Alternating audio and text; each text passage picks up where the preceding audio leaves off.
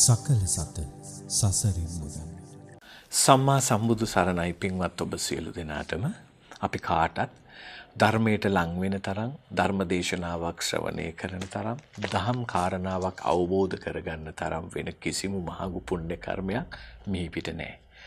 ඒ නිසා අපි සියලු දෙනාම හරි වාසනාවන්තයි. විශේෂයෙන්ම බොදුනුවන්ගේ හදවතේ නාලිකාව මෙත් සදහම් විකාශයෙන් නරඹන පින්වත් පිරිස ලංකාව විතරක් නෙමේ ලෝකෙ බොහෝ රටවල ඉන්නවා. විශේෂයෙන්ම ඕස්ට්‍රේලියාවේ බොහෝ පිරිසක් අපේ නාලිකාව සමග සම්බන්ධතාවය ලබාගෙන YouTube එක ඔස්සේ මෙත් TV ඇප් එක ඔස්සේ අපේ Facebook පිටුවේ මේ හැම තැනම ඒ වගේම අපේ ගලිගමුවේ ඥානදීප නායක සාමින් වහන්සේගේ නිල YouTube නාලිකාව ඔස්සේ උන්වහන්සේ ඒ ධර්ම දේශනා මේ සියල්ල බොහෝ පිරිසක් ලෝකයේ කොහේ හිටියත් ශ්‍රවණය කරනවා නරඹනවා අවබෝධ කරගන්නට උත්සාහ කරනවා. හරි සතුටුයි. මෙත් බුද්ධාභිවන්දනා වැඩසටහනන් වැඩසටහන් මාලාවටත් අපේ බොහෝ පිරිසක් දායකත්වය ලබා ගැනීම පිණිස අපිට ආමන්ත්‍රණය කරනවා. ඒ උනන්දුව පිළිබඳත් අප අපේ ගෞරවයේ ස්තුතිය ප්‍රේක්ෂක හිතවතුන් සියලු දෙනාටම මෙත් සදහම් විකාශයෙන් අපි ඔබට තෑගි කරනවා. අද මේ උතුම් සද්ධර්ම දේශනාව සඳහා ඊටාම ඕනෑකමින් මේ පින්වත් දානමය පුණ්‍ය කර්මයේ වෙනුවෙන් ශ්‍රද්ධා සම්පන්න දායකත්වය ලබාගෙන තිබෙන්නේ ඕස්ට්‍රේලියාවේ මෙල්බන් නුවර පදිංචි රත්නා හෙට්ටි නාරායන මහත්මිය තරිඳු කළුආරච්චි පුතණුවන් සහ සචිනි කළුආරච්චි දියණියන් ඒ වගේම අද දින ජූනි 28 උපන්දිනය සමරන දයාපත්ම කළුආරච්චි වන තම සාමි පුරුෂයා පියාණන් හට ආශිර්වාද ප්‍රාර්ථනා කිරීම වෙනුවෙන්. ඒ නිසා උතුම් ආදර්ශයක් ඔවුන් සපයනවා. සියලු දෙනාටම මේ ආදර්ශයත් මේ ධර්ම දානමය පූජාවේ මේ පින්කමේ කුසලයත් අනිවාර්යයෙන්ම ලබා ගන්නට ලෝකෙ කොහේ හිටියත් සාදු නාද දීලා අනුමෝදන් වන්නට පුළුවන් හොඳ පින්කමක් ලෑස්ති කළා ඕස්ට්‍රේලියාවේ මෙල්බන් නුවර හිටියත්. ඒ නිසා ඔවුන්ගේ ධර්මානුකූල පදනම ජීවිතයේ ශක්තිය ධර්මයට තියෙන ප්‍රිය බව ධර්මයට තියෙන ආශාව මේ සියල්ල නිසා තමයි අපි කාටත් එකම තැන එකම දහම් සභා මණ්ඩපයක මේ ධර්මය ශ්‍රවණය කරමින් පින් රැස් කරගන්නට අවස්ථාව සලසලා දුන්නේ රත්නා හෙට්ටිනාරායන මහත්මිය ඇතුළුවේ පවුලේ කණ්ඩායම. ඒ ඊටාම ගෞරවයෙන් මතක් කරනවා මෙත් සදහම් විකාශයත් ප්‍රාර්ථනා කරනවා ඔබේ ප්‍රාර්ථනා ඉෂ්ට වෙන්නට කියලා. ඊට අමතරව මිය පරලෝකීය එම මහතාගේ සහ මහත්මියගේ දයාබර දෙමාපියන් වන දෝන හිමාරාබේ වික්‍රම මෑණියන් චන්ද්‍රදාස කළුආරච්චි පියාණන් ඒ පොඩි නෝනා මෑණියන් සහ පොඩි අප්පුහාමි පියාණන් ඇතුළු પરම්පරාගත මිය පරලෝකයේ සියලුම ඥාතීන්ට මේ පින් අනුමෝදන් කරවීමත් ඔවුන්ගේ අරමුණක්. එයත් එසේම ඉෂ්ට වේවා. එයත් අපේ ප්‍රාර්ථනාව. තවද දිවිපුදා රට රැක සියලුම රණවිරුවන් මේ වනකොට කොරෝනා වසංගත රෝගය නිසා මියගිය ලක්වාසී ලෝවාසී සියලු දෙනාටමත් පින් පැමිණවීම අරමුණු විදිහට තබා තිබෙනවා. එයත් හොඳ වටිනා අරමුණක්. ඒ නිසා මෙන්න මේ කාරණා ටික බලාපොරොත්තු පෙරදැරි කරගෙන උතුම් වූ සද්ධර්ම දේශනාවක් ජාතියට පූජා කරමින් ධර්ම දානයක් ලබා දීලා ආදර්ශයක් ලබා දීලා පින් රැස් කරගෙන ඒ පිනෙන් ඔවුන් බලාපොරොත්තු අරමුණු සාක්ෂාත් කරගන්නට සූදානම්ව සිටින්නේ. එහෙනම් අපි මේ පින්වත් පිරිස එක්ක ඒ පවුලේ හැම දෙනාමත් එක්ක ඊටාම ගෞරවයෙන් මෙත් සදහම් විකාශයෙන් මේ පූජා වෙන ධර්ම දේශනාව මනවින් ශ්‍රවණය කරගෙන දහම් කරුණු ධාරණය කරගෙන ඒ වර්ධනය කරගත්ත කුසල් සිතුවිලි ඒ සියලු දෙනාටම අනුමෝදන් කරන්නට ලෑස්ති වෙලා උතුම් වූ සිත පහදවාගෙනම එක හිතින්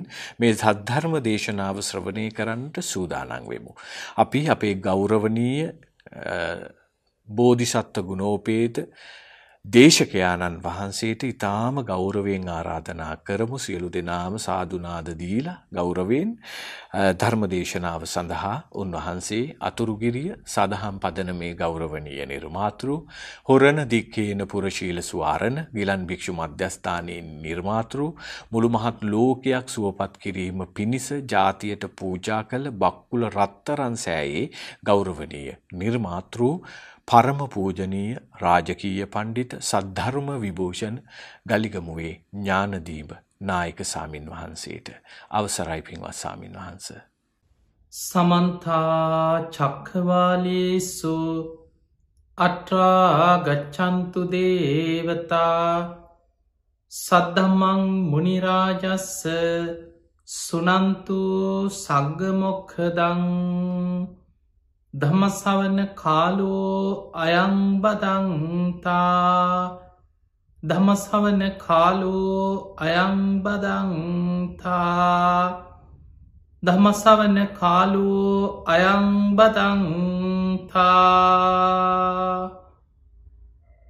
නමොතස්ස භගවතු වරහතු සම්මා සම්බුද්ධස්ස නමොතස්ස භගවතු වරහතු සම්මා සම්බුද්ධස්ස නමුතස්ස භගවතු අරහතු සම්මා සම්බුද්ධස්ස හැම දෙනාටම තෙරුවන්සන්න ප්‍රාර්ථනා කරමින් අද ඔබ හැම දෙනාම කළඹු ටෙලිවිෂන් මෙත් සදහම් විකාශය ඔස්සේ ඔබේ ජීවිතයට වැදගත් ධර්ම දේශනාවක් ශ්‍රවණය කරන්න සූදානන් වෙන්.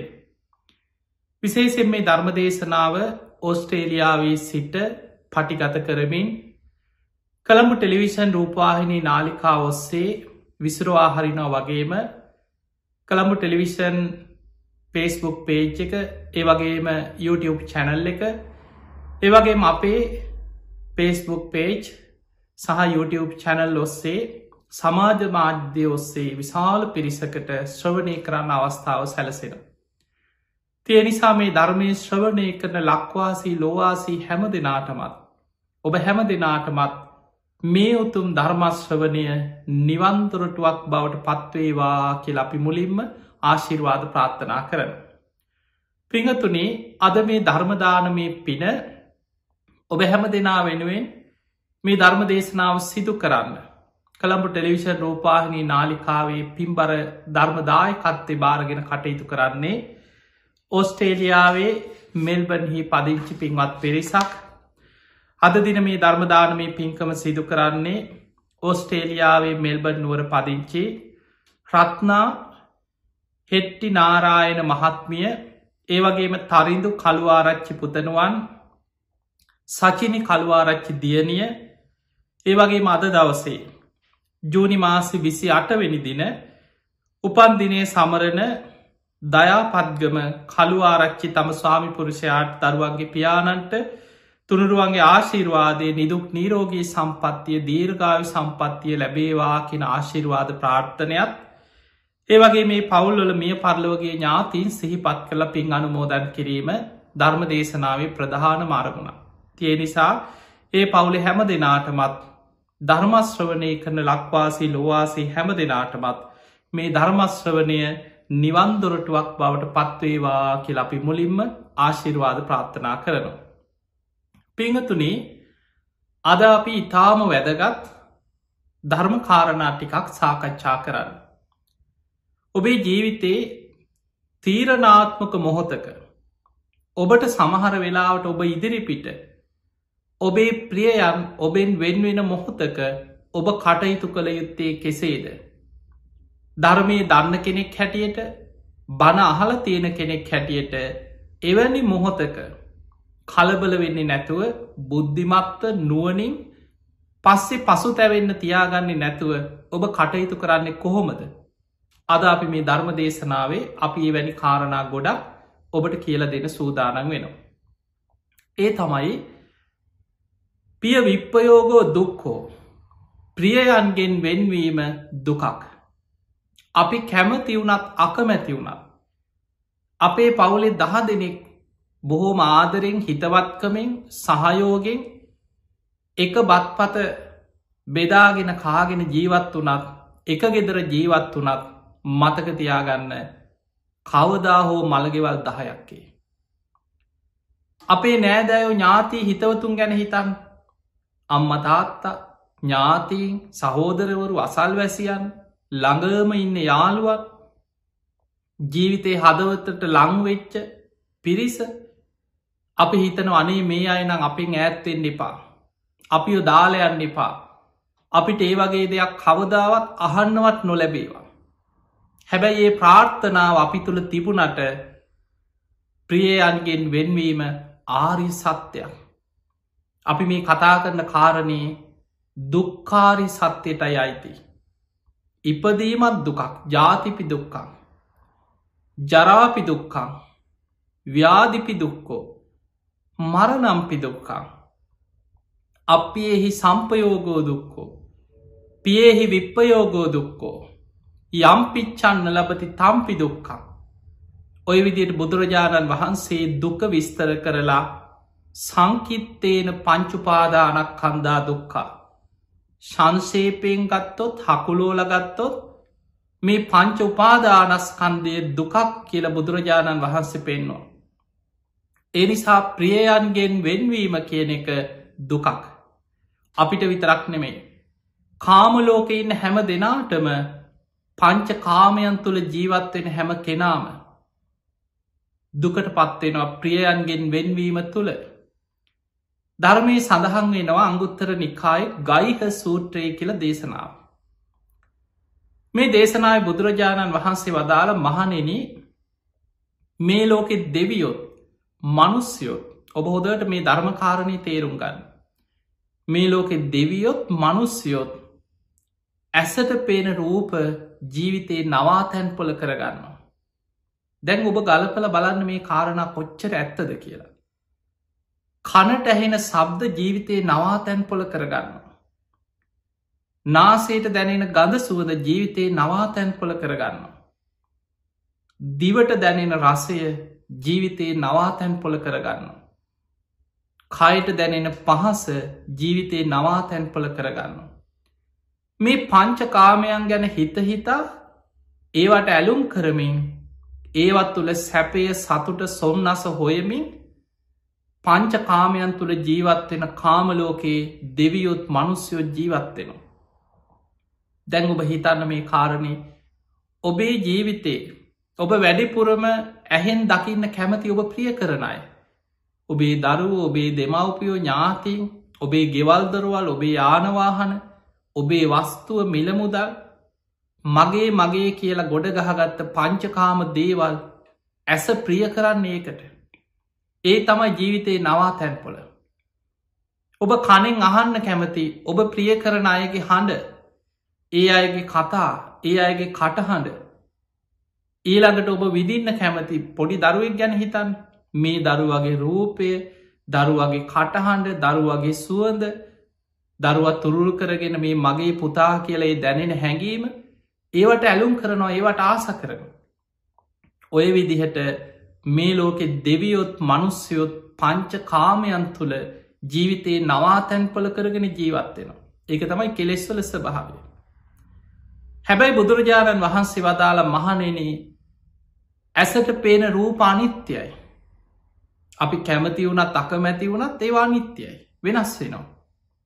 කනට ඇහෙන සබ්ද අනිත්‍යයි අපි කැමති වුණත් අකමැති වුණත් ඒව වෙනස් වෙලා යනවා. නාසේට දැනිච්ච ගඳ සුවඳ අනිත්‍යයි ඒව වෙනස් වෙනවා. දිවට දැනෙන රස වෙනස් වෙනවා. කයට දැනිච්ච පහස වෙනස් වෙන අනිත්‍යයි. හැමදාම මේ පංචකාමයන් තුළ සැපය සතුට අපි කැමති විදිහට පවත්තන්න බෑ ඒවා අනිත්‍යයි වෙනස් වෙනවා. ඒවා අනිත්‍ය වෙලා යනකොට ඒවා ජීවිතයේ නවාතැන් පොල කරගත්ත කෙනෙකුට ඒ ගැන තියෙන ඇල්ම අතහරින්න සිද්ධ වෙනවා. ඇල්ම අතහැරගණ්ඩ බැරිවීම නිසා මේ ලෝකෙ දෙවියොත් මනුස්යොත් දුකසේ හැඩුවූ කඳුලින් විලාප දෙනවා කෑගහනවා පපෝට ගහගන්නවා සිහි නැතුව ඇදගෙන වැටෙනවා මං කොහොම දෙයා නැතුව ඉන්නේ කියලා දරාගණ්ඩ බැරුව දුක්වෙනවා. දෙවියුත් එහෙමයි මනුස්්‍යයොත් එහෙමයි. පංච කාමයන් තුළ ජීවත්වෙන පංච කාමයන් තුළ සැපය සතුට සොම්න්නස හොයෙන කෙනාට. ඒ පංච කාමයන් අතහරින්න සිද්ධ වෙනකොට අතහැරගන්න බැරිවීම නිසාම දුක්වෙනවා. අන්න එනිසා පිංහතුනේ අපි කාටත් අපි කැමති වුනත් අකමැති වුනත් ප්‍රියයන්ගෙන් වෙන්වීම පිය විප්පයෝගෝ දුක්කෝ මේ දුක අපි කරායනවා. අද අපි මේ ධර්ම දේශනාවද ඔබට විශේෂයෙන් සිහිපත් කරන්න උත්සාහ කරන්නේ ප්‍රියයන් නොබෙන් වෙන්වීම තුළ ඔබට කොච්චර දුකක් ඇති වුණත් ඔබ කොහොමද හිත හදාගෙන කල්්‍යයාන මිත්‍රයෙක් වෙන්නේ. ඔබේ මරණාසන්න ඥාතියට කල්්‍යයාන මිත්‍රයෙක් වෙන්නේ. පරලවින් අනුග්‍රහයක් කරන්න. ඒ කෙනා උපදින තැනට සුගතියක යන විදිහට ඔබ කොහොම දේ කෙනාට පිහිටවෙන්. ඉතාම වැදගත්දයක්.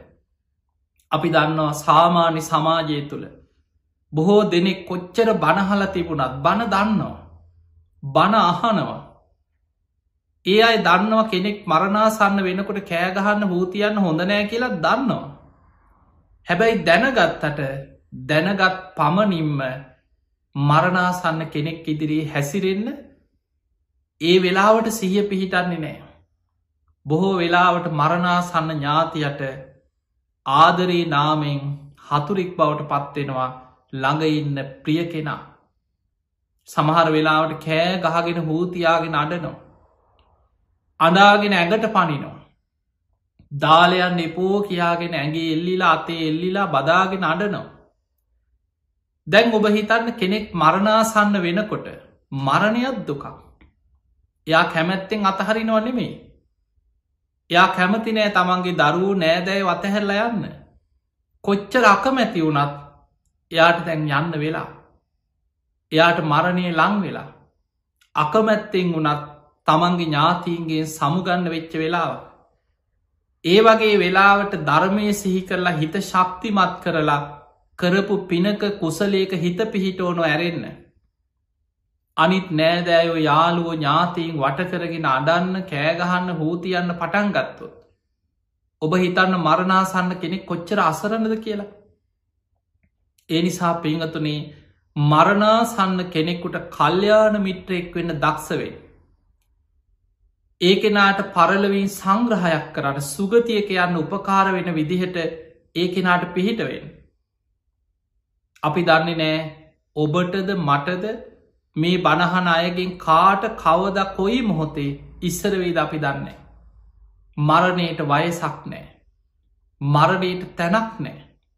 මරණයට කුලබේද ජාතිබේද වර්ණබේද ඔය කිසි දෙයක් මරණයට අදාලනෑ. කෙනෙක් උගද්ද නූගද්ද කුලවද්ද කුලහීනද මෙයා බලවතෙක්ද මෙයා දුප්පතෙද්ද හීන කෙනෙක්ද ප්‍රනීත කෙනෙක්ද කොහෙ කෙනෙක් ඒව එකක්කත් අදාලනෑ. ඉපදුනානං නත්ති ජාතස් සමරණ. උපන්නාව කිසිම කෙනෙකුට නොමැරීඉන්න පුළුවන් ක්‍රමයක් නෑ කියලා බුදුරජාණන් වහන්සේ පෙන්වේ. එහෙමනං ඉපදුනානං අපි කවුරුත් කවදක් කොත්තන කොයි මොහොතේ හෝ ඒ කාන්තෙන් මරණයට මූුණ දෙනවා මයි අන්නේ කාරණය ඔබ හොඳට හිතේ පිහිටවාගෙන ඒ මොහොතේ බුද්ධිමත්ව කටයුතු කරන්න නං ඔබ මරණාසන්න මොහොතේ ස්වභාවය හොඳට තේරුම් ගන්නට ඕන. අපි බලමු මරණාසන්න මොහොතක මතුවෙන කර්ම ගැන. ධර්මය සඳහන් වෙනවා මරණාසන්න කෙනෙකුට බලවත් වෙන්න පුළුවන් කර්ම කීපයක් ගැන. ඒ තමයි ගරුක කර්ම. ආසන්න කර්ම. ආචින්න කර්ම කටක්තා කර්ම කියලා කර්ම හතරක් ගැන ධර්මී විස්තර වෙන. ගරුක කර්ම මරණාසන්න කෙනෙකුට මරණ මංචකයේ මුලටම බලවත් වෙලා ඊළඟ උපත තීරණය කරන්න හේතුවෙන ප්‍රබල කර්මයක් තමයි ගරුක කර්ම. දැම් මේ හැම කර්මයක් කොටස් දෙහිකට බෙදෙනවා කුසල් අකුසල් හැටියට. දැන් ඔබ තේරුම් ගන්න ගරුක කර්මවල තියෙනවා ගරුක කුසල්. ඒ වගේම ගරුක අකුසල් කියල. ගරුක කුසල් කියලා කියන්නේ කෙනෙක් මරණාසන්න කාලේ දෙහාන වඩල තියෙනවා. හොඳට සමාධිය වඩපු කෙනෙක්. මරණාසන්න මොහොතේ ඒ අන්තිම කාලෙ පවා සමාධිය පිරිහෙන් නැතුව ඒ දෙහාන පවත්වගෙන හිටපු කෙනෙක් නං මරණින් මත්තේ ඒ කාන්තෙන් බ්‍රහ්ම ලෝකෙක උපදිනවා. ඒකට කෙනක් ගරුක කර්මයක්. එක ආනන්තරිය කුසලයක් හැටියට පෙන්න්නනවා. ඒ කාන්තෙන් ඊළඟ ජීවිතය විපාක දෙන කුසලයක්. ඊළඟට ගරුක අකුසල් ගරු කකුසල් කියලා කියන්නේ අකුසල් අතර ඊළඟ ජීවිතයේ ඒ කාන්තේ විපාක දෙන භයානක අකුසල් පහක් බුදු හාමුදුරුව පෙන්නවා. පංචානන්තෙර යකුසල්. ඒවට ධර්මී කෙනවා ගරුක අකුසල්. තමන්ගේ මවමැරීම පියාමැරීම රහතන් වහන්සේ නමකගේ ජීවිතය තොර කිරීම බුදු කෙනෙක් මරන්න බෑ කාටවත් මතක තියාගන්න. බුදු කෙනෙක්ගේ ජීවිතය විනාස කරන්න පුළුවන් කෙනෙක්. මේ දෙවියන් බඹුන් මරුන් සහිත ලෝකේ. ශ්‍රමණක් බ්‍රාහ්මණයන් සහිත ලෝකේ. මාරයාටවත් බුදු කෙනෙක්ගේ ජීවිතය විනාස කරන්න බෑ. යම් රාත්‍රියක බුදුරජාණන් වහන්සේ සියලු කෙලෙසුම් ප්‍රහාණය කළ සම්බුද්ධත්වයට පත්වෙනවද. උන්වහන්සේ සම්බුදු කෘත්‍ය අවසන් කරලා ආයු සංස්කාරයන් අතහැරලා පිරිනිවන් පාන අධිෂ්ඨාන කරලා සිය කැමැත්තෙන් අනුපාදිශේෂ පරිනිර්වාණයෙන් යම් දවසක බුදු කෙනෙක් පිරිනිවන් පානවද එතෙක් බුදු හාමුදුරුවන්ගේ ජීවිතයට අනතුරක් කරන්න ලෝකෙ කාටවත් බෑ. ඒක ලෝක ධර්මතාවයක් මේ විශ්වයේ තියෙන ධර්මතාවයක්. පංචානන්තරි අකුසල් හැටියට කරන්න පුළුවන් එකමදේ බුදුරජාණන් වහන්සේගේ ශරීරයේ ලේසෙලවීමක් පමණයි. දේවදත්ත ඒ අකුසලේ සිදු කරගත්තා. අපි කෙන ලෝහිත්තු පාදක මේ ලේ සෙලවීමේ අකුසලේ. ඉළඟට සංගබේදය. ඒ සංගබේදයක් සාමාන්‍යද අපි ගමු සාමාන්‍ය කෙනෙකුට හිතෙන්ට පුළුවන් ඔය පන්සලේ එක්කු දායක සභාවක ප්‍රශ්නයක් හරි පන්සල්ලොල ප්‍රශ්නයක් අපි දන්න ඔය ගම්වල පන්සල්ලොල සමහර කේලන් නිසා හාමුදුරුවරු තරහ වෙනවා බිදවනවා එතකොට කෙනෙක් කියන්න පුළන් අන්න ඔයා අර කියපු කේලම නිසා අර හාමුදුරුව දැන් අපි එක්ක තරහ වෙලා ඔයා සංගබේදයක් කෙරෙවා කිය. ඒ කේලම කොහොමත් අකුසලයක් තමයි. හැබැයි ආනන්තරි අකුසලේට වැටෙන්න සංගබේද අකුසලයක් නෙමේ. ආනන්තරි අකුසලයක් වෙන්න නං සංගබේද අකුසලය උපසම්පදා භික්ෂුවක් වෙන්නට ඕන. උපසම්පදා භික්ෂුවක් පෝය කරන උපසම්පදා සීමාවක් තුළදී. අධර්මවාදී අවිනයවාදී කරුණු පදනං කරගෙන ධර්ම විනේ දර භික්‍ෂූන් වහන්සේලා අතරින් කොටසක් තමන්ගේ මතයට වෙනම නතු කරගන්න. වැරදි මිත්‍යා මතවාදයක් තුළ එතකොට එතන ඉන්න ව්‍යක්ත ප්‍රතිබල භික්ෂුවක් පෙන්නල දෙනවා. ඔබහන්සේ ඔයදේ කරන්න එපා මේක ධර්මයට එකඟ නෑ විනයට එකඟ නෑ. ඔබහන්සේ ඔයදේ කරෝ සංගබේදයක් වෙනවා කියලා තුන් වතාවක් පෙන්නල දෙනවා. ඒ තුන් වතාවම පිළිගන්නේ නැතුව සංඝයා වෙනම තරහ වෙලා පෝය සීමාවෙන් වෙන් වෙලා යනවා. ඊලකට වෙන් වෙලා ගිය පමණින් සංගබේදයක් වෙන්නෙත් නෑ. ඒ පිරිස පෝය කරද්දි එකම පෝය සීමාවේ දෙපැත්තට බෙදිලා වෙන වෙනම පෝය කර්ම කරනු. අන්න එතකොට සංගබේ දකුසලේ සිද්ධවේ. එහෙමනම් අපිට පේනවා දැන් මෙන්න මේ පංචානන්තරි අකුසල් සංගබේදය බුදු කෙනෙක්ගේ ලේසලවීම මවමැරීම පියාමැරීම රහතන් වහන්සේ නමකගේ ජීවිතයක් ගහතනය කිරීම. මෙන්න මේ අකුසල් පහ යමෙක් මේ ජීවිතය තුළ පෙරජීවිතයක නෙමේ. පෙරජීවිතය කෙරුණ නං ඊළඟ ජීවිතය විපාක දෙනවා මයි. ඒ නිසා මේ ජීවිතය යම් කිසි කෙනෙක් අතින් එවැනි පංචානන්තර යකුසලයක් සිදුවෙලා නං ඊළඟ ජීවිතයේ කාන්තෙන් කල්පයක් මහානිරේ අපායට වැටෙනවා මයි. ඒක ලෝක ධර්මතාවය. බුදු කෙනෙක්කුටවත් ඒ කර්මය වෙනස් කරන්න පුළුවන් කපක් නෑ. මතකතියාගන්න අජා සත්ත රජ්ජුරු. තමන්ගේ පියා මරල පීට්ටූ ගහතන අකුසලයක් කරගත්ත. පස්සෙ පසු තැවුණ. තමන්ගෙන් වෙච්ච වැරැද්ද තේරුණ ඒ තේරෙනකොට වැරදිලා ඉවරයි. නිතර බුදුරජාණන් වහන්සේ මුණගැහෙන්නාව. බුදුරජාණන් වහන්සේගෙන් හිතහදාගන්න උපදෙසි ඉල්ලනවා. බුදු හාමුදුරු බණ කියනවා. නිතර බණැහුවා. අජාසත්ත රජ්ජුරු බුදුරජාණන් වහන්සේ පිරිනිවන් පෑවා කියලා දැනගත්ත වෙලාවේ තුන් වතාවක් සිහිසුන් වුනා කියනවා. බේත් ඔරු තුනක බස්සල තමයි රජ්ජුරුවන්ට සිහිය ගත්තේ. ඒ තරන් දුක දරාගන්න බැරුව සිහිසුන් වුණා. ඔබ දන්නවා අජාසත්ත රජ්ජුරුව ධාතුන් වහන්සේලා ඉල්ලගෙන සේනාවක් කරගෙන ගිය. එදා ද්‍රෝණ බමුණ ධාතුන් වහන්සේලා බෙදල දෙද්දී. අජාසත්ත රජ්ජරුවන්ටත් ධාතුන් වහන්සේලා ද්‍රෝණයක් ලැබුණ. එකැන බුදු සිරුරේ සියලු අස්ති ධාතුන් වහන්සේලාගෙන් අටෙන් එකක් එක් ද්‍රෝණයක්. අද අපි දන්වරුවන් වැලි මහා සෑයි ද්‍රෝණයක් ධාතුන් වහන්සේලා වැඩඉන්න. එවැනිම ප්‍රමාණයක් එදා ධාතුන් වහන්සේලා බෙදන වෙලාවේ අජාසත්ත රජ්ජුරුවන්ටත් ධාතුන් වහන්සේලා ද්‍රෝණයක් ලැබුණ. තමන්ට ලැබිච්ච ධාතුන් වහන්සේලා අරගෙන බොහෝම සද්ධාවෙන් රජක හනුවරට ගිහිල්ලා.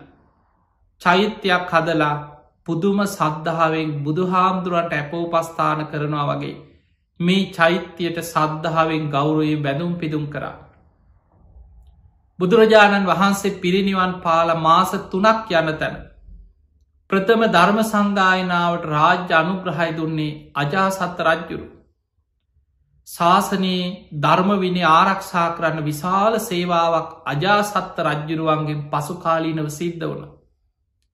එතකොට රජ්ජුරුව ගොඩක් පින් කරා හැබැයි මතකතියාගන්න ධාතුන් වහන්සේලා ද්‍රෝණයක් වඩම්මල චෛත්‍යයක් හැදුවත්. ධර්ම සංගායනාවක් කරත් මොන තරන් රහතන් වහන්සේලා ඇසුරු කරත් මොන තරම් පින් කරත් ඒ සියලු පිනට වඩා පිනේ විපාක නැතිවෙනවා නෙමේ කෙනෙකුට හිතන්න පුළඟා එහෙනම් ඉතින් පින් කල වැඩක් නෑනේ එහෙම හිතෙන්ට පුළුව මතකතියාගන්න පිනේ විපාක නැතිවෙන්න හැබැයි ඒ පින විපාක දෙන්න කලින් මරණ මංචකයේ මුලට මතුවෙලා ඇවිල්ලා ඒ කාන්තයෙන් විපාක දෙන්නේ ආනන්තරිය කර්ම. ඒවට කියන ගරුක කර්ම කියලා එකයි. මරණ මංචකයේ කාන්තෙන් විපාක දෙනවා අජාසත්ත රජ්ජුරු අදත් අපාය පැහෙනවා.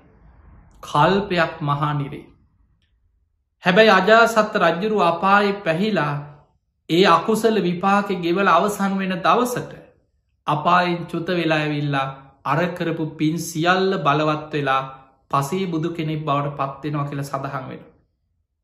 ඒ නිසා මතකතියාගන්න මරණ මංචකයේ කෙනෙකුට මුලටම මතු වෙලා ඊළඟ ජීවිතයේ විපාකයක් ලැබෙනවනං ප්‍රබල විපාකයක් එකන කාටවත් වෙනස් කරන්න බැරි විදිහට ඒ කර්මවලට ධර්මී ගැන ගරුක කර්ම කියලා. දැන් අපි දන්නවා එහෙමනම් සාමාන්‍ය කෙනෙක් අතින් ගරුක කරම ගරුක කුසල් කියන්නේ ධ්‍යානයක් වඩාගෙන ඒ ධ්‍යානය පිරිහෙන් නැතුව මරණාසන්න කාලි පවා පවත්වනවා කෙනෙක සාමාන්‍ය කෙනෙකුට අමාරු දෙයක්. ඊළඟට ආනන්තරි අකුසල් අතර වුණත්. අද කලාතුරකින් කොහේ හරි ගමක කොහි හරි පැත්තක තමන්ගේ අම්ම මරපු පියාමරපු එවැනි ආනන්තරි අකුසලේක වර්තමානි කරන්න පුළුවන් ඔය වගේ දෙයක්. එවැනි අකුසලයක් කරගත්ත කෙනෙ කලාතුරකින් කොහරි ඉන්න පුළුවන්. සාමාන්‍ය කෙනෙකුට ඒ කර්මිත් කෙරෙන්නේ අඩුයි. එතකොට ඔන්න ගරුක කර්ම කෙරිලා නැත්නම් දැන් අපි ගරු කරම පැත්තකින් තියමු. ගරුක කර්ම කෙරිලා නැති කෙනෙකුට මරණ මංචකේ ඊළඟට බලවත්වෙන ප්‍රධානම කර්මය තමයි ආසන්න කර්ම. ඔන්න ඔතනදි තමයි අර මරණාසන්න ඥාතියගේ ළඟඉන්න අයගේ නෑදෑයෝ යාළුව හිතවත්තු මරණාසන්න කෙනා ළඟ ඉන්න කෙනාට ලොකු වගකීමක් ලැබෙන්න ඔත්තනද. ආසන්න කරම. ආසන්න කර්ම කියන්නේ කොටස් දෙහෙකට බෙදෙනවා. ආසන්න කුසල් ආසන්න අකුසල් හැටියට. ආසන්න කුසල් කියලා කියන්නේ මරණාසන්න මොහොතේ තමන්ගේ ජීවිතයේ වෙලා තියෙන අකුසල් යටපත් වෙලා මරණ මංචකේ කුසලයක් මතුවෙන. ඒ මොහොත පිනක් මතු වෙලා සුගති යන්න පුළුවන්. අර කරපු අකුසල් යටපත් කරගෙන මරණ මංචකේ කුසලයක් මතු කරන්න පුළුව. ඒක කරන්න හැකියාව තියෙන්නේ සමහර වෙලාවට හොඳට සිහිනුවනින් ඉන්න කෙනෙක් නම් තමන්ටත් ධර්මය මෙනෙහි කරලා කුසලයක් බලවත් කරන්න පුළුව. එක්ක තමන්ගේ ඥාතියකුට දරුවෙකුට ළඟ ඉන්න කෙනෙකුට. බුද්ධිමත් කෙනෙකුට පුළුවන් කනට කරලා හරි. අම්මට මතක යම්ම මෙහෙම පින් කරා අම්ම බුදුගුණ ගැන හිතන්න. රුවන්වැලි මහා සෑය ගැන අම්ම සිහිකරගන්න ශ්‍රී මහා බෝධිය ගැන හිතල අම්ම හිතෙන් හරි වන්දනා කරන්න. ඒ වගේ කනට කළ බුදුගුණ කියනවා. කරපු පිනක් මතක් කරලා දෙනවා. අන්නේ වෙලාවට සමහරය අපි දන්න අනේ සාදු අනේ සාධ කියාගෙන පණ යනවා. එතකොට අර ළඟ හිටපු කෙනා මරණාසන්න කෙනෙකුට කල්්‍යයාන මිට්ටෙක් වෙලා. ඒ මොහොතේ අකුසලයක් බලවත්වෙන්න ඉඩ නොදී මරණ මංචකී කුසලයක් මතු කරලා දුන්න. අන්න ආසන්න කුසල් කියන්නේ වට. ආසන්න කරම. ඒ මොහොතේ බලවත්වෙන්න පුළුවන්.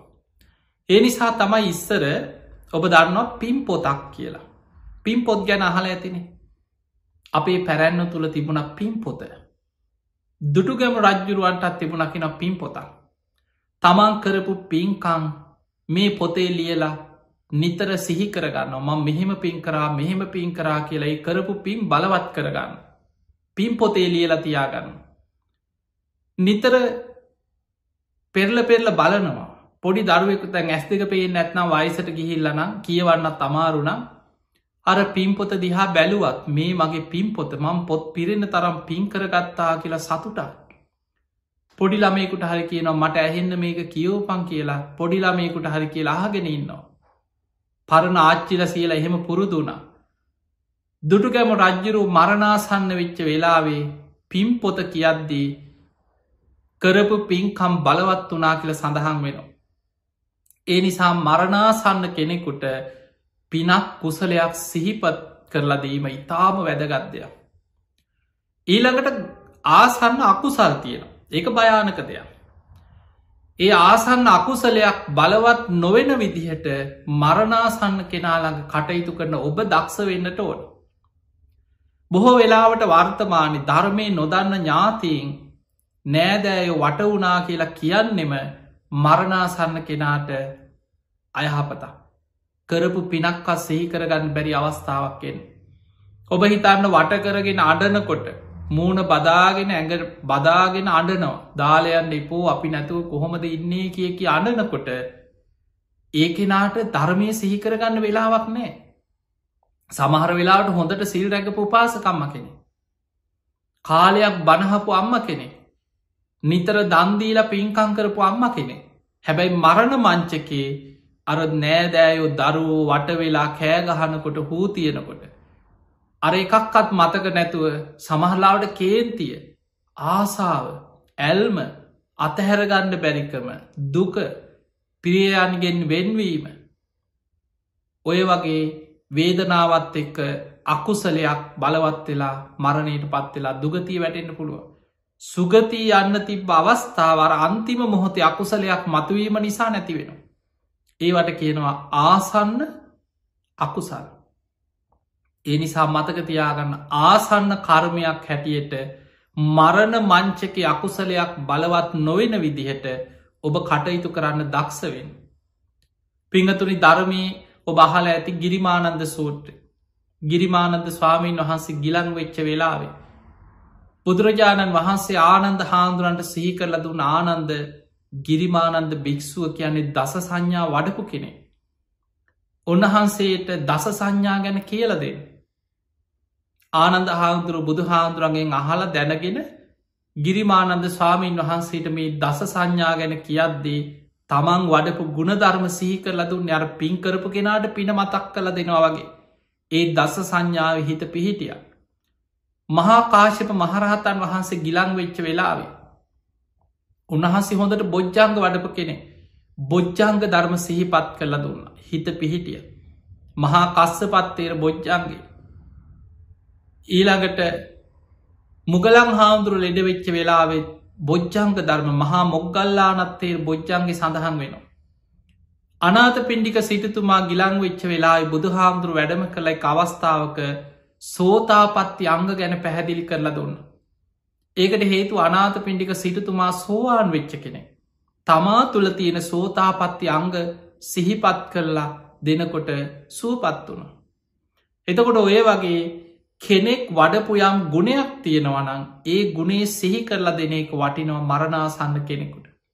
අපි දන්න අපේ පැරැන්නෝ ඔබ බලන්න ඔබේ අම්මල තාත්තල ආච්චිල සියල පරණ ගංවල සිදුවීම ඔබ නිකං හිතන් කෙනෙක් ලෙඩ වෙලා මරණාසන්න වෙනකොට එක්ක වෛද්‍යවරුත් කියනවා දැම්මයාට කැමති ආසා කරන දෙයක් කන්න බොන්න දෙන්න මෙයා දැන් සනීප කරන්න අමාරුයි දැම් මේ අන්තිම කාලේ ඉතින් ඔය වගේ ඔබ දන්නවා සමහරලාට වෛද්‍යවරු කියන අවස්ථා තියෙනවා. එවැනි වෙලාවක දරුවෝ බුද්ධිමත් වන හම සමහරලාවට ඔන්න ස්වාමීන් වහන්සේ නමක් වඩම්මල පිරිට්ටිකක් කියෝ. ඒ වෙලා පිරිකරක් හරි ගෙනහලාර අම්මට අතගස්සල පූජ කරෝනු. අර ස්වාමීන් වහන්සේලාට පිරිකරක් පූජ කරෝනු. ඊළඟට ගෙදර දානයක් දෙනවා. අර අම්ම උත්සගෙන හරි ඇවිල්ලා දානය හැන්දක් බෙදෝනු. එතකොට ඔය විදිහට කෙනෙක් ජීවත් වෙලා ඉන්න අන්තිම කාලේ එයාට මරණ මංචකයේ බලවත් වෙන විදිහට දානාදී පින්කං කරවනු. ඊළඟට යාලව්ව පිරිකර අතගස්සලහරි ඇදේ හිටියත් පූජ කරෝනු. ළඟ ඉන්න කෙනා දක්ෂ වෙන්න ඕනෑ නිතර ලෙඩරෝග ඉඩකඩම් ප්‍රශ්න දරුවන්ගේ ප්‍රශ්න සහෝදරයන්ගේ ප්‍රශ්න කේලන් කියන්නේ නැතුව සමහරලාවට සමහර අවස්ථා බොහොම අවාසනාවන්ත සිදුවීම් තියෙනවා. අපි දන්නවා සමහර සිදුවීම් ඒවා මේ මාධ්‍යවලින් කියන්නත් නුසුදුසු සමහර සිදුවීම්. සමහර දෙමවපියෝ මරණාසන්න වෙච්ච වෙලා මේ පණයන්න ඔන්න මෙන්න. දුවගෙන ගිහිල්ලා කොළයක් ගෙනහි ලස්සං ගන්න. ඇගිලි අස්සන හරි ගහගන්නවා ඉඩම ලියාගන්න. එක්කො මරණාසන්න වෙලාවේ අම්මල තාත්තල ළඟයිනම් පුළුවන් තරන් කනට දෙන්නේ. අම්ම අරයට තමයි වැඩිපුර සලකන්නේ. මහගෙදර ලියලා තියෙන ලොකුවේ කාට ඇයි අපි ළමයි නෙමෙයිද. ඔහොම කිය කිය අර මරණාසන්න දෙමවපියන්ට තව තවත් පීඩාවල් දෙනවා. මරණාසන්න මොහොතෙත් හදන්න පලිගන්න තමන්ට ඉඩමි කොටසක් වැඩිපුර දුන්නෑ කියල්. එදකොට මේ වගේ දරුවෝ නෑදෑය වටවුනාට පස්සේ. අර මරණාසන්න කෙනෙකුට කුසලේක පිනක හිත පිහිටවන්න බැරිවෙන. ඒ නිසා පිංහතුනේ කවමදාවත් මරණාසන්න කෙනෙකුට මොකද ඔබට ඔබේ ජීවිතය ඕන තරන් එහෙම අවස්ථා එන්න පුළුවන්. සමහල්ලාට ඔබ වෛද්‍යවරයක්න වෛද්‍යවරයෙක්න හෙදියක්න රෝහල් කාර්යමණ්ඩලේ කෙනෙක්න ඔබ ඉදිරිපිට ඔබේ ඇස් ඉදිරිපිට කොච්චර ලෙඩ්ඩු රෝගී මැරිල ඇත්ද. සමහර වෙලාට ඔබ වැඩිහිටි නිවාසක කටයුතු කරන කෙනෙක්න. ඊළඟට ඔබ ඔබේ නෑදෑයෝ ගැන හිතන් ඔබේ ආච්චිල සීයලා සමහට අම්මතාත්ත සහෝදරයේ මියගිය අවස්ථා ඇති ඔබ ඉදිරිපිට. එක් ඔබේ නිවෙස ළඟ අසල් වැසියෙක් වෙන්න පුළුවන්. දන්න කියන නෑයෙක් වෙන්න පුළුවන්. කවුරු හරි එවැනි අවස්ථාවක ඔබ බුද්ධිමත්වෙන්. කෙනෙක් නොදන්නකමට කෑගහගෙන හෝතියාගෙන දඟලනවා නම් බුද්ධිමත්ව කියල දෙන්න ඕක කරන්න එපා. මේක අනතුරක් ඒ කෙනාගේ හිත හදන්න. ළඟට ගිහිල්ලක් පිනක් කුසලයක් සිහි කරලා දෙන්න ධර්මයක් කියන්න. ඒ විදිහට ඔබ බුද්ධිමත්වවෙන්නට ඕන්. ඔබට පුළුවන් මරණාසන්න කෙනාට පිහිටවේ. පිංහතුරි මතකතියාගන්න කෙනෙ කවුරුදු හැටක් හැත්තෑවක් අසුවක් අනුවක් ජීවත්වෙනවා කියන්නේ. ජීවිත කාලෙ කොච්චර බැදීන් ගොඩක් ඇතිකර ගන්නවාද කියලා හිතන්න. මොකද අපි මේ කතා කරන්නේ මේ සෝවාන් වෙලා මැරෙනයි ගැන නෙමේ. කෙනෙක් සෝතාපන්න වෙලානං ඉන්නේ කවුරු වට වෙලා හෝ තිබ්බත්. මරණාසන්න මොහොතේ වට වෙලා පොළුවලින් ගැහුවත්. කොච්චර වද දුන්න සෝවාන් වෙච්ච කෙනා සුගතිී අනේක වලක් කන්න බෑ කාටවත්. දැන් ඔබ දන්නවාට බිම්බිසා රජ්ජුරු බිම්බිසා රජතුමා සෝවාන් වෙච්ච කෙනෙ. හැබැයි හිර කුටියක දාලා වද දුන්න. යටිපතුල් පලල ගිනි පොකුරුට ඇවිත් දෙව්වකේ. උඩ එල්ලලා යටිපතුල් පලලා වද දුන්න කියලා. එතකොට ඒ තරම් වදදීලා කන්න නොදී වදකියෝ ලවා වදදීල වදදීලා ගිනිපොකුරුට ඇවිත් දෙව්වත් එච්චර දුක්විඳල මැරුණා සෝවාන් පලට පත්වෙච්ච කෙනා සතරාපායි මිදිච්ච කෙනෙ. සදහටම මිදිච්ච කෙනෙ. ආයි මරණ මොහොත්තේ බලවත් එන්න දෙයක් නෑ අමුතුවෙන් අපායගාමි කර්මය. බුදුරජාණන් වහන්සේ පෙන්වේ සෝවාන් වෙච්ච කෙනා සතරාපායකට වැටෙනවා කියන එක සිද්ධ නොවෙන දෙයක්.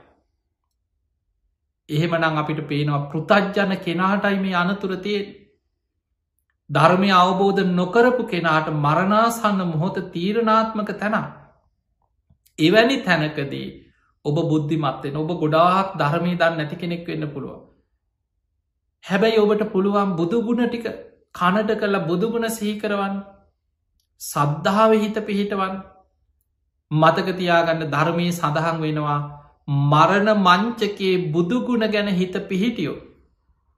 දහසක් අකුසල් යටපත් වෙලා සද්ධාව බලවත්තෙන්. ඒ තරම් ප්‍රබල පිනක් බුදුගුණ මනසිකාරය. ආසන්න කර්ම හැටියට අකුසල් බලවත්වෙන්න ති බවස්ථාව යටපත් වෙලා කුසල් බලවත්වෙන්න පුළුවන් බුදුගුණ සෙහිකිරීම තුළ. ඒ නිසා නිතර කනට කරලා හරි සමහර වෙලාවට අපි දන්නවා සමහරය ඉස්පිරිතාලවල දැන් අදගත්තහම ඉස්සර නම් බොහෝ දෙනෙක් එක්කො ගෙවල් වල තමයි ලෙඩ වෙලා ගමේ වෙද මහත්තයෙක් ඇවිල බැලුවා. ගෙදර තමයි පණයන් අද එහෙමනමේ අද බොහෝ වෙලාවට රෝහල් වල දැඩි සත්කාරයකකවල ඉස්පිරිතාලවල තමයි බොහෝ දෙනෙක් මැරෙන් එවැනි වෙලාවක ඔබට නිතර ළඟ ඉඳගෙන ලොකු දෙයක් කරන්න බැරිවෙයි ලෙඩෙක් බලන්න යන්න දෙන්නේ වෙලාවකට. ඊළඟට ළඟ ඉන්න දෙන්න සමහර දැන් දැඩි සත්කාරයකකවල වගේ මේ ගිහිල්ල ළඟ නෑදෑයන්ට වාඩි වෙලා ළඟින් ඉන්න බෑ. හැබැයි ඔබ බලන්න ගිය වෙලාවට හරි සමහර වෙලාවට ඔබේ ඥාතියා කං ඇහෙන්නේ නෑ වගේ ඉන්න පුළුවන්. එකන ඇස්හරින්නෙත් නෑ. කට ඇරල කතා කරන්නෙත් නෑ. අතපය හොළවන්නෙත් නැහැබැයි මැරිලත් නෑ. එවැනි මොහොතක කනට කරලා හරි බුදුගුණ ටිකක් කිය. හැම වෙලේම සිහි කරන්න අම්මට මතක දම්ම මෙහෙම දාන් දුන්න. අම්ම මේ විදියට පින්කං කරපු කෙනෙ අම්ම මේ වගේ පින් කරා මේ වගේ දන් දුන්න. අම්ම කොච්චර පින් කරගත්තද? ඒ පින් සිහි කරන්න සිහි කරන්නම් මේ සිහි කරගන්න කියලා ඔබ ළඟට ගිහිල්ල කනට කරලා හරි නිතර සිහි කරවන්න. ඒක තමයි ඔබට මරණාසන්න කෙනෙකුට කල්්‍යයාන මිත්‍රයෙක් වෙන්න තියෙන ක්‍රමේ එනිසා පිංහතුනි ආසන්න කර්ම මරණාසන්න මොහොතේ කෙනෙකුට පිනක් කුසලයක් බලවත් වනොත් ආසන්න කර්මයක් හැටියට ඊළඟ ජීවිතයේ කාන්තෙ සුගතිය උපදින. ඒවට ධර්මය පෙන්නන්නේ අකුසල් මැඩලන කුසල්. තමන්ගේ ජීවිතය වෙච් අකුසලුත් තියෙනවා. හැබැයි ඒවා යටපත් කරගෙන මරණ මංචකේ කුසල් බලවත්වෙන ආසන්න කුසල්. ඒක අනික් පැත්ත තමයි භයානක.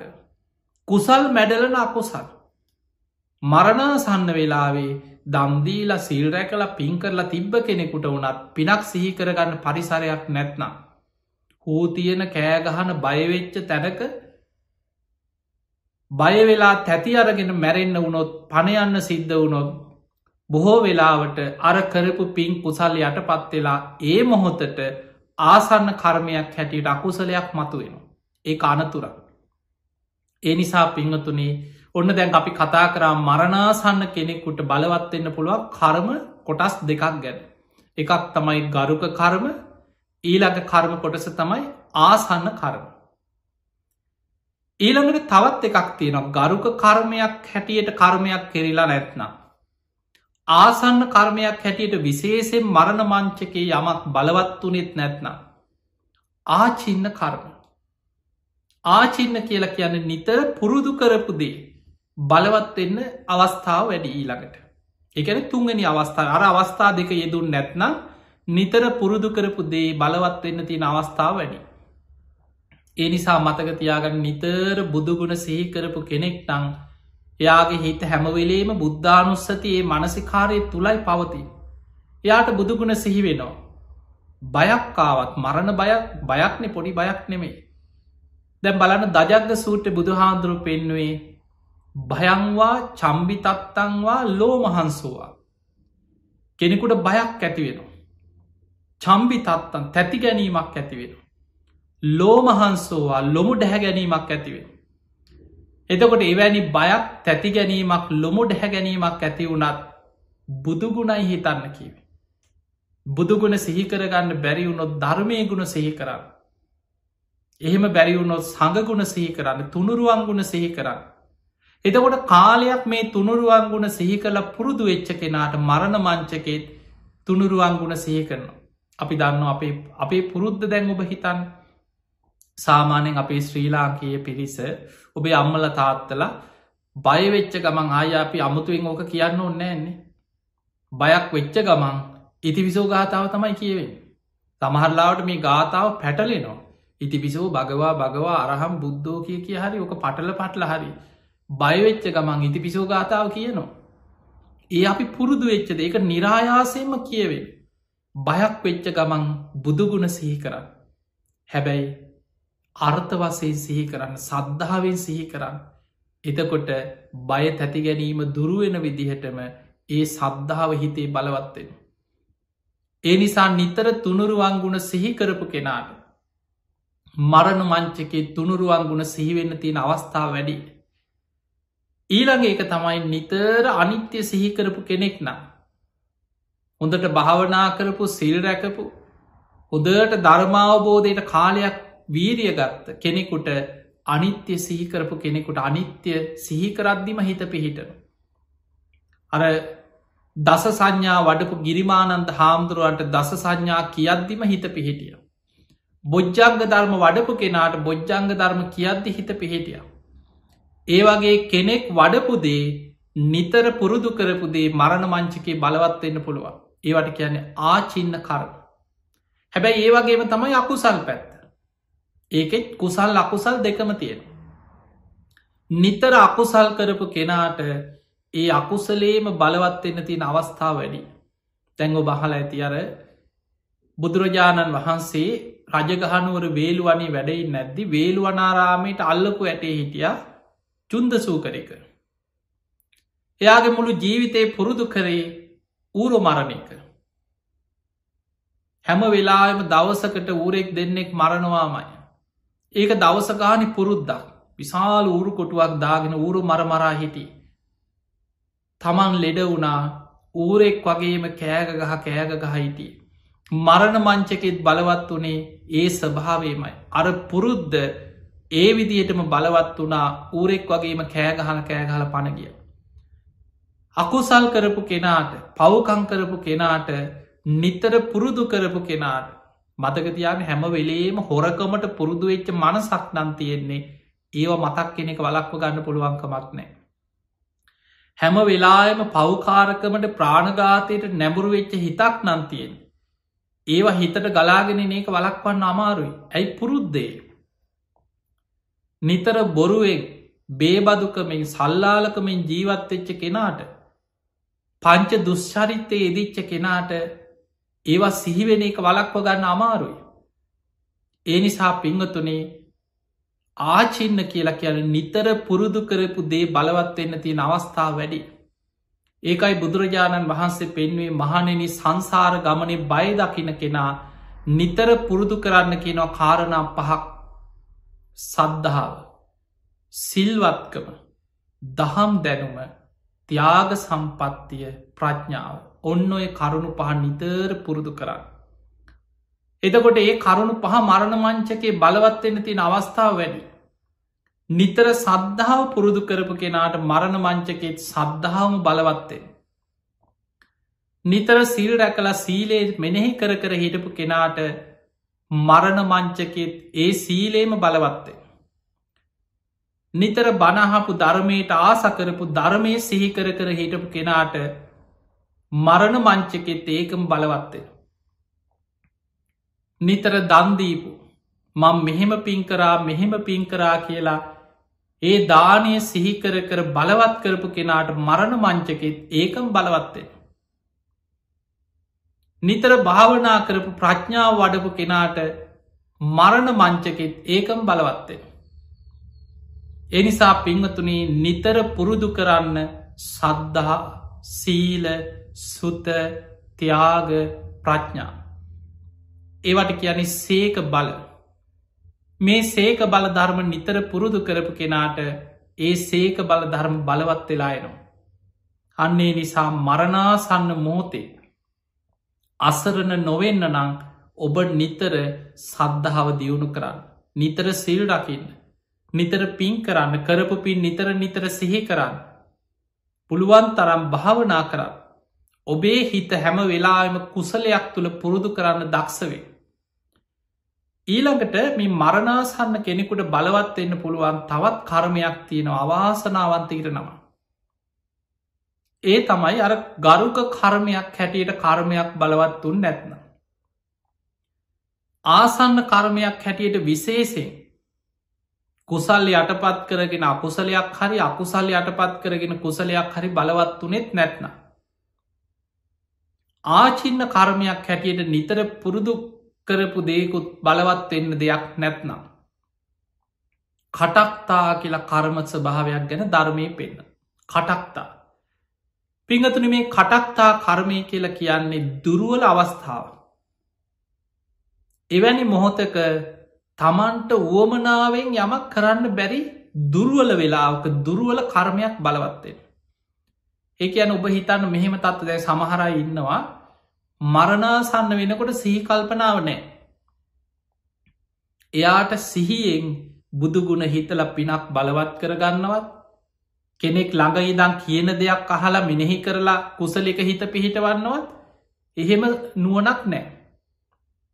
හැබැයි එයා මැරිල නැත්නං සමහරු ඉන්න මැරිලත් නෑ මැරිලා වගේ ඉන්නවා. ඇස් හරින්නෙත් නෑ. කටඇරල කතා කරන්නෙත් නෑ. යන්තන් හැන්දෙන් එක්ක දීවට වතුර ටිකක්තාම. එක්ක මොනවහරි දියර පිටිය එකක් යන්තන් පෝඩෝ. සේලයින් එකක් දෙනවා. ඇගේ පණ තියෙනවා හැබැයි කතා කරන්න ඇස්සරින්න ඔහෙ ඉන්නවා.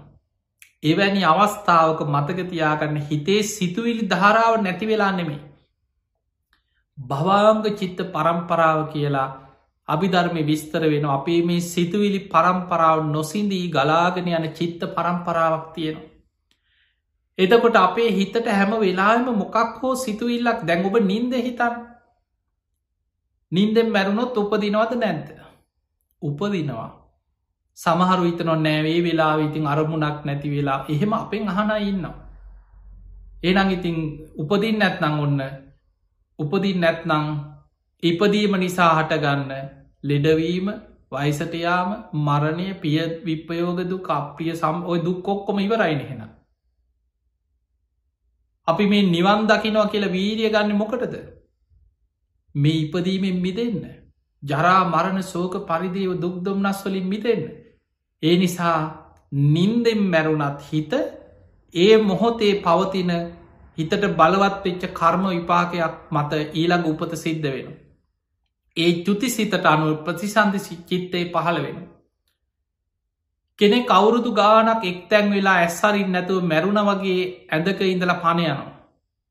අපි දකිනෝ සමහර අටවල් වල සමහර රෝගීන් අවුරුදු ගනම් මැසින් වල ඉන්නවා. ඔය කෝමා වගේ රෝග තත්ව ගැන බහල ඇති. ඇක්සිඩන්ට් වෙලා මොලේ මැරිලා. හැබැයි හදවත වැඩ කරනවා. සමහර අසනීපතියෙනවා එක්ක මොලේට විසබීජයක් ගියා කියයි ස්නායු ආබාධයක් කියයි මොලේ මැරීගෙන යනවා හැබැයි යා මැසින් එකින් ඉන්නවා.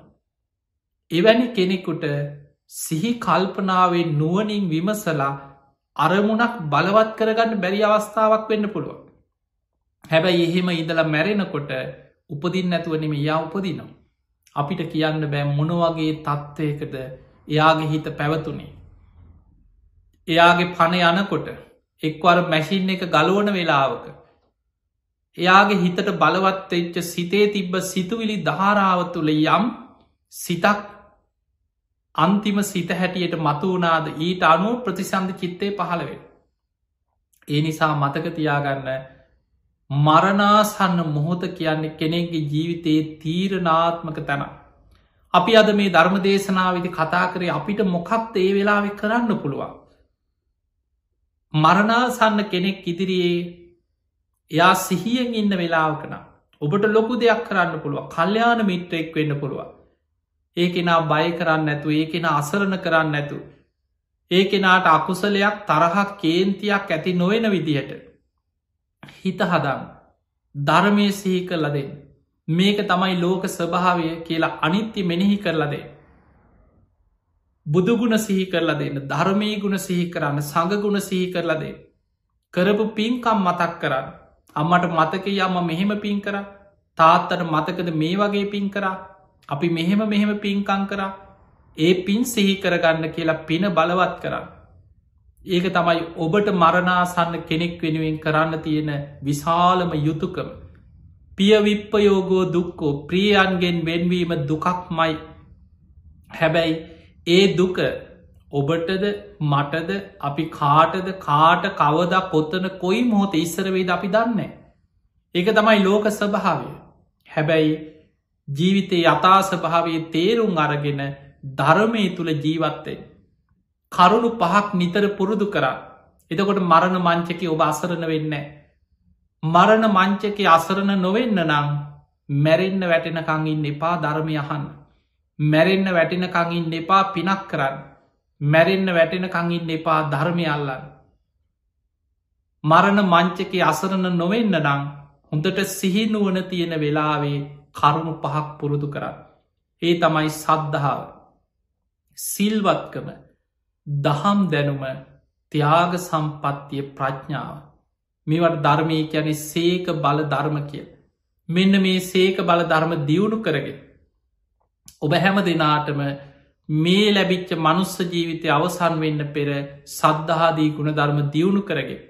උතුම් වූ ධර්මයම අවබෝධ කරගන්නම ධර්මයම දියුණු කරගෙන ධර්මාවබෝධ පිණිසම මේ ධර්මශ්‍රවනය ආශිර්වාදයක්ම වේවා වේවා වේවා කියල අපි ආශිර්වාද කරනවා.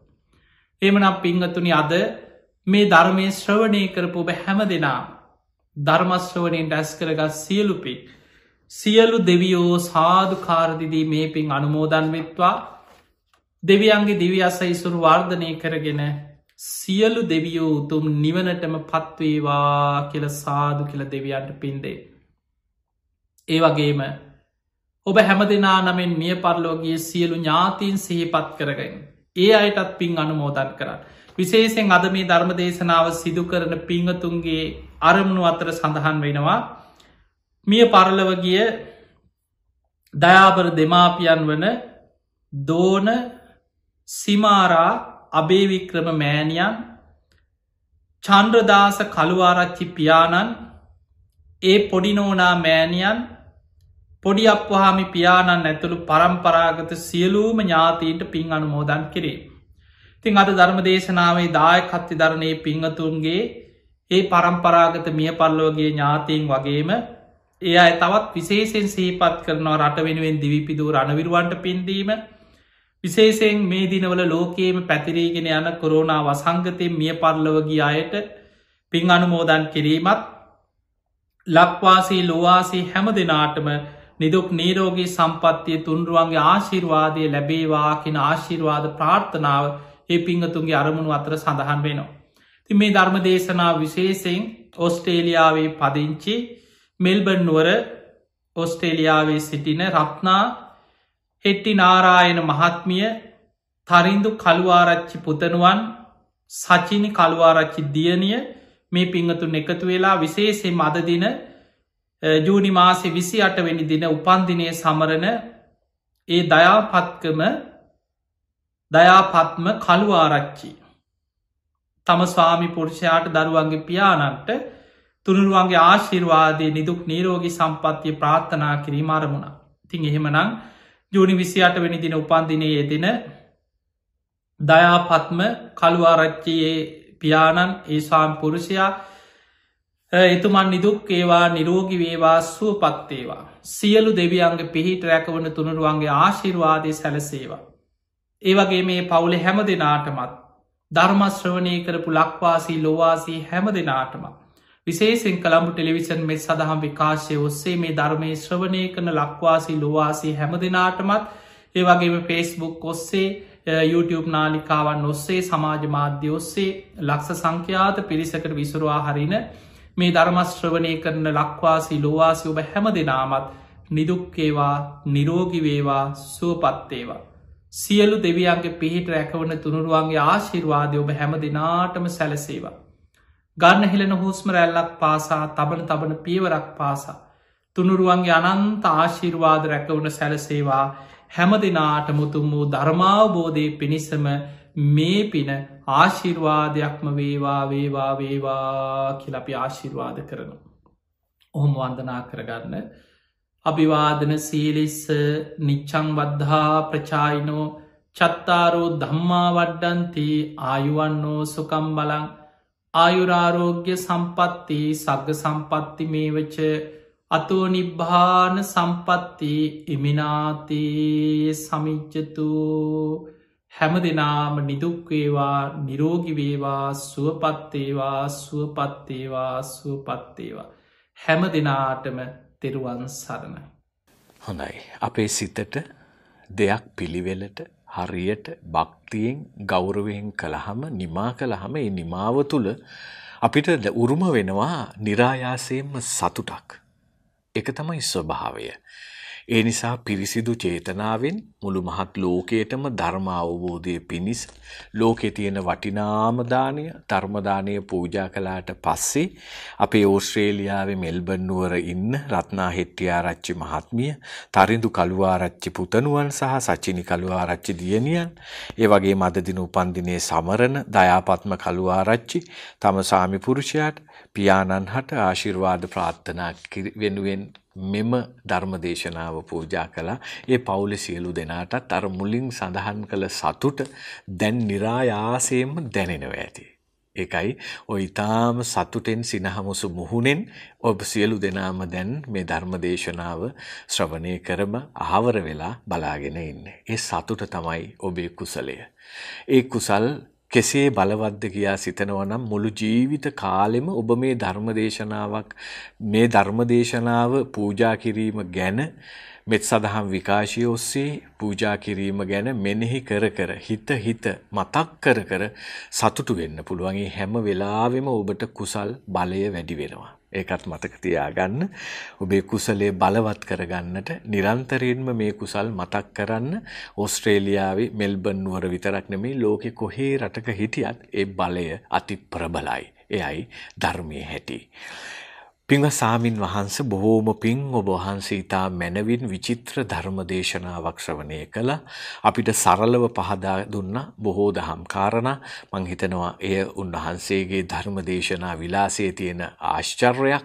එය අපිටත් ආශිර්වාදයක්. ඒකමයි අපේ පින්වත් සාමින් වහන්සේට මේ ශක්තිය ධර්ම දේශනා කුසලය දහම් දේශනා කිරීමේ හැකියාව වැඩි වේවා වර්ධනය වේවා කය සුවපත් වේවා නිදුක් වේවා නිරෝග වේවා කියලා අපි ප්‍රාර්ථනා කරනවා.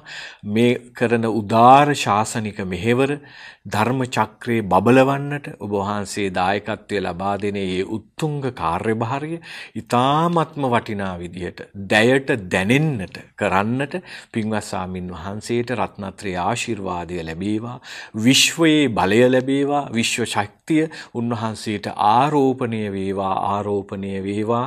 ඒ වගේම මේ පින් බල මහිමයෙන් අපේ ස්වාමින් වහන්සේ මේ ආත්ම භාවයේම චතුරාර්ය සත්‍ය ධර්මය අවබෝධ කොටගෙන උතුම් වූ නිර්වාණ සෞඛ්‍ය සාක්ෂාත් කරගන්නට මේ කුසල් බලවත් වේවා කියලා අපි සියලු දෙනාම සාදුනාදයක් පවත්වමු.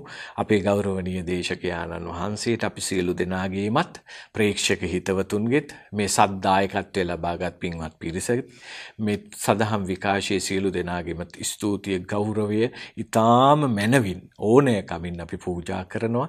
උන්වහන්සේ අතුරුගිරිය සදහම් පදනමේ ගරු නිර්මාතෘ හොරණ දික්කේනපුර භික්ෂු ගිලන් මධ්‍යස්ථානයේ ගෞරවනීය නිර්මාතෘ බක්කුල රත්තරන් සෑයේ ගෞරවනීය නිර්මාතෘ බෝධිසත්ව ගුණෝපේත පරම පූජනීය ගලිගමුවේ ඥානදීපනායක සාමින් වහන්සේ අපේ හාමුදුරුවනේ බොහොම පිං බොහොම ස්තුතියි নমස්කාර පූර ගෞරවය ඔබ වහන්සේට අපි පූජා කරනවා ඊටාම මනවින් ඕනෑකමින් ඊටාම ප්‍රියමනාප විදිහට ඊටාම මනරම් ධර්ම දේශනාවක් අපිට ශ්‍රවණය කරන්නට අවස්ථාව ලැබුණා. එමනම් මේ පින්වත් පිරිසටත් අපි ස්තුතිවන්ත වෙනවා. අනිත් රටවල් වල ජීවත් වන බොහෝ පිරිසටත් ආදර්ශයක් මේ උතුම් ධර්ම දානමේ පූජාව. ඔබේ ප්‍රාර්ථනාවන් ඉෂ්ට වේවා, කරන කියන යහපත් කටයුතු සාර්ථක වේවා. මෙත් සදහම් විකාශයේ ගුවන් කාලයේ වෙන් කිරීම පිළිබඳ අපේ ගෞරව ස්තුතිය සියලු දෙනාටම අපි පූජා කරමින් හැමෝටම ස්තුතිවන්ත වෙනවා. එහෙමනම් අපි ඊටාම ඉක්මනට තව උතුම් වූ ධර්ම දේශනාවක් ශ්‍රවණය කරන්නට මෙත් සදහම් විකාශය ජාතියට පූජා කරන මෙත් බුද්ධ අභිවන්දනා වැඩසටහනින් මුණ ගැහෙමු හැම දෙනාටම සම්මා සම්බුදු සරණයි.